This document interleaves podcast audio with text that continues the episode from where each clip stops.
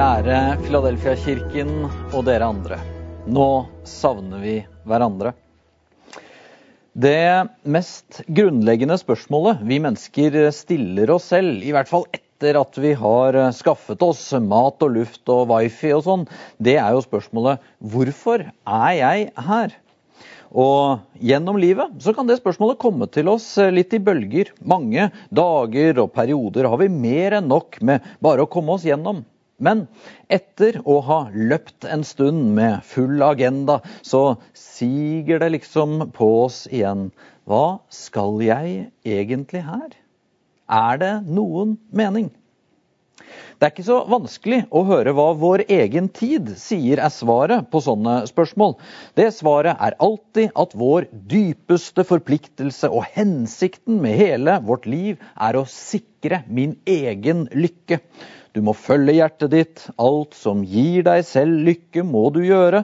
Og alt som ikke maksimerer lykken din, må du kvitte deg med. Kristen tro gir et helt annet, uendelig meningsfullt, men også ganske utfordrende svar på dette spørsmålet om hvorfor vi er her. Og det svaret, det er at vi alle er sendt. Vi er på oppdrag i livet. Og det er en mening med at vi er her. De neste ukene skal vi nå se nærmere på dette oppdraget, denne virkelige meningen med livet. Og så begynner vi i dag, i tråd med vår samtid, kan du kanskje si, med å se på oss selv. Hva betyr det for deg og meg at vi er sendt her i livet? Så skal vi de neste søndagene se på hvem vi er sendt til, med hvilken holdning vi er sendt, og hva vi har å dele.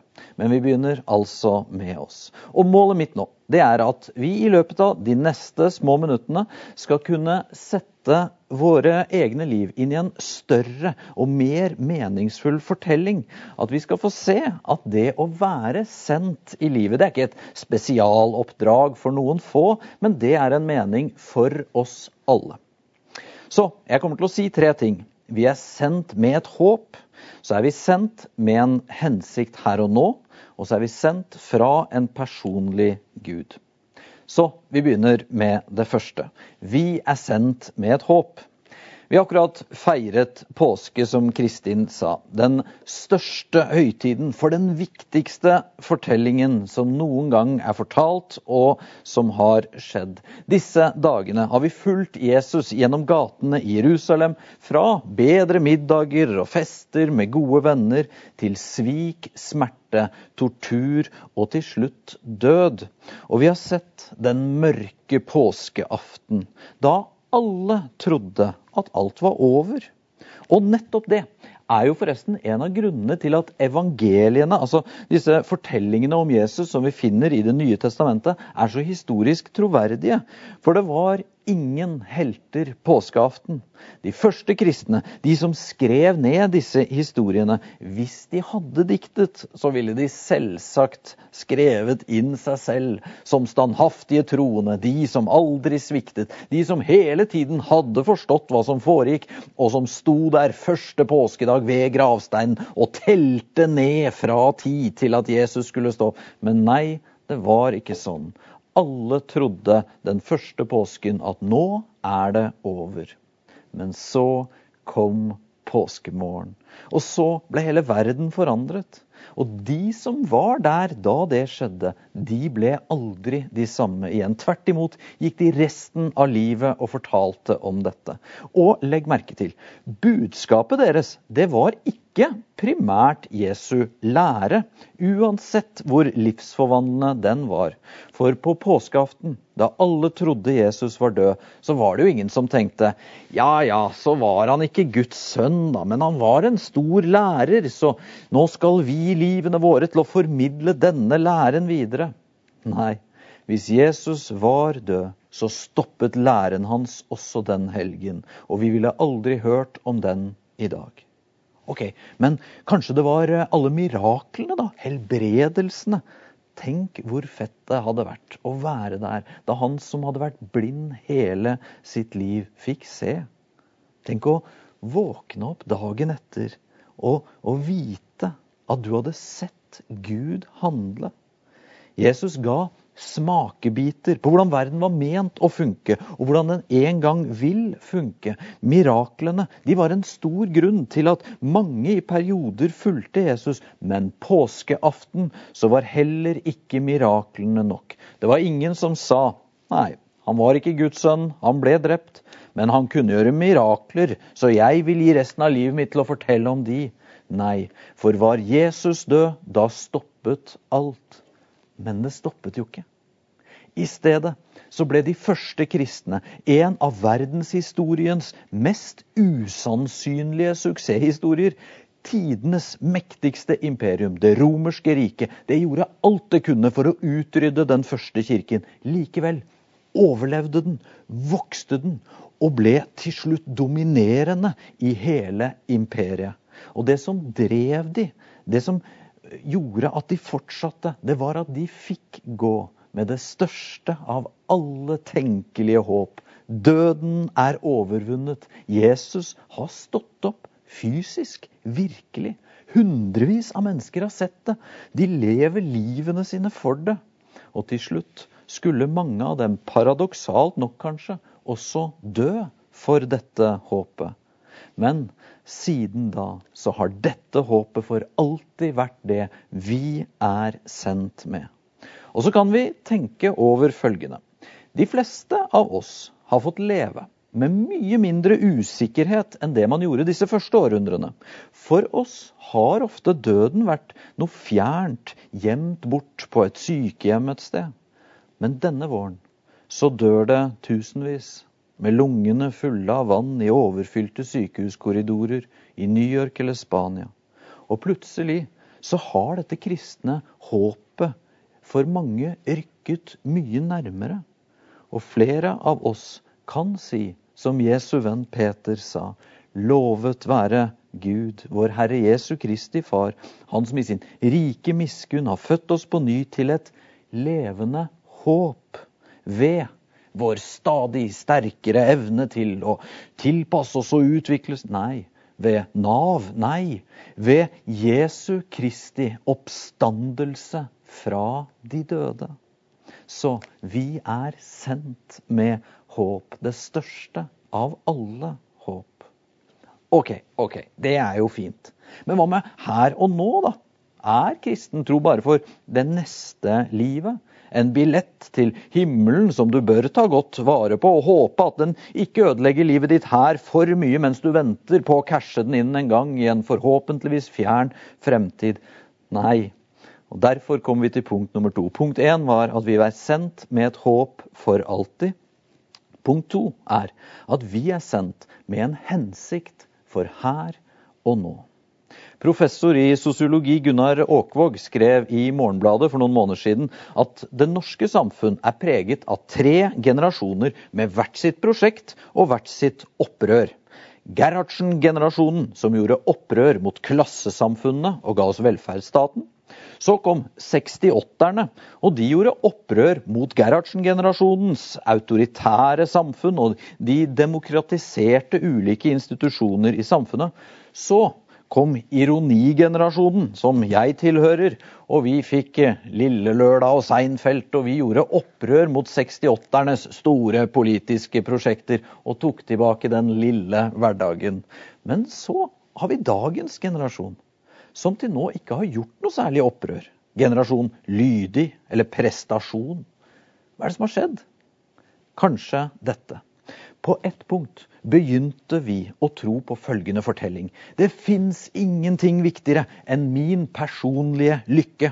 Det er selvsagt viktig å lytte til seg selv og være troverdig osv.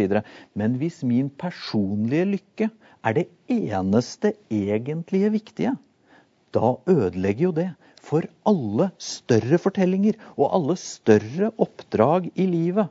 Og by the way så tror jeg at alle generasjoner har blitt dratt mot akkurat dette. Det er jo tross alt de unge som har stått og demonstrert for klima, mens 68-erne var på hytta i Spania. Husker du den tiden, du?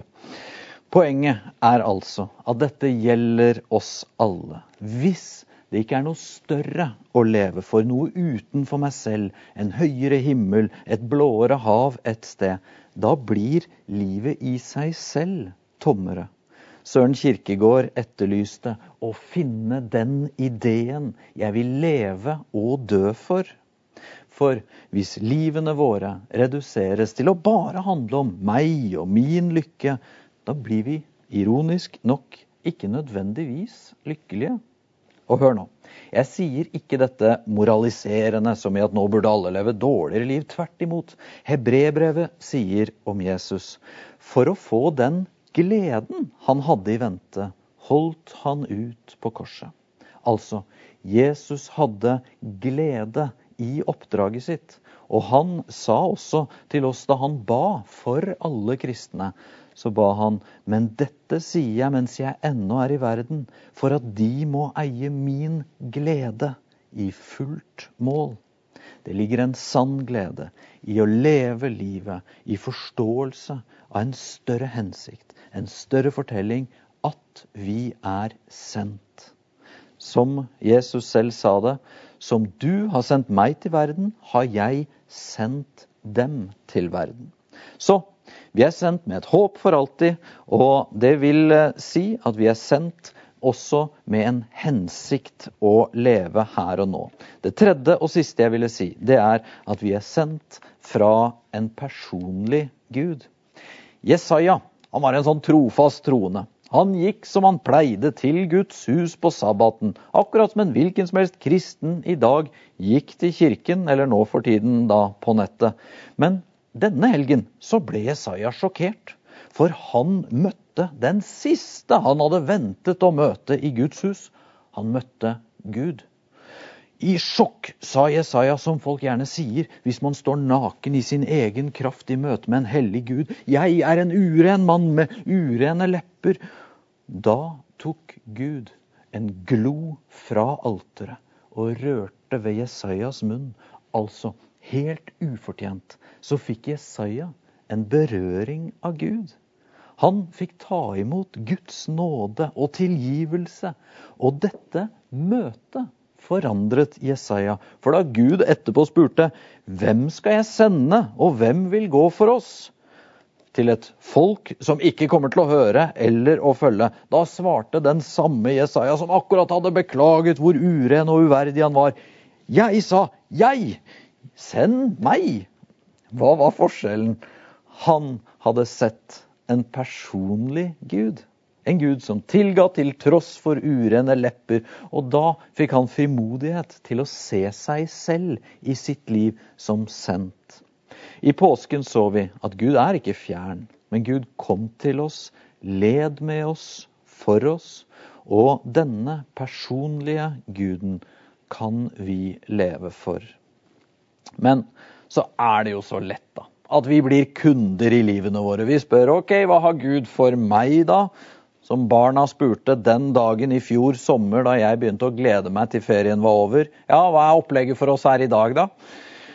Gud kom til Moses og sa omtrent det vi moderne mennesker håper at religion er.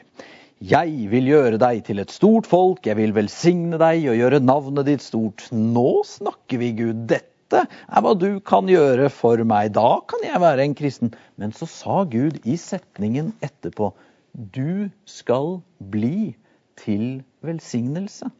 Altså, du skal ikke bare velsignes for din egen lykke, men du er sendt. Velsignelsen er ment å gå videre. Både til å jobbe for rettferdighet, godhet og sannhet der du er satt i din hverdag, i din jobb, og til å bringe håp der det trengs overalt rundt oss. Derfor er vi sendt. Vi er sendt med et håp for alltid. Vi er sendt med en hensikt for livet her og nå.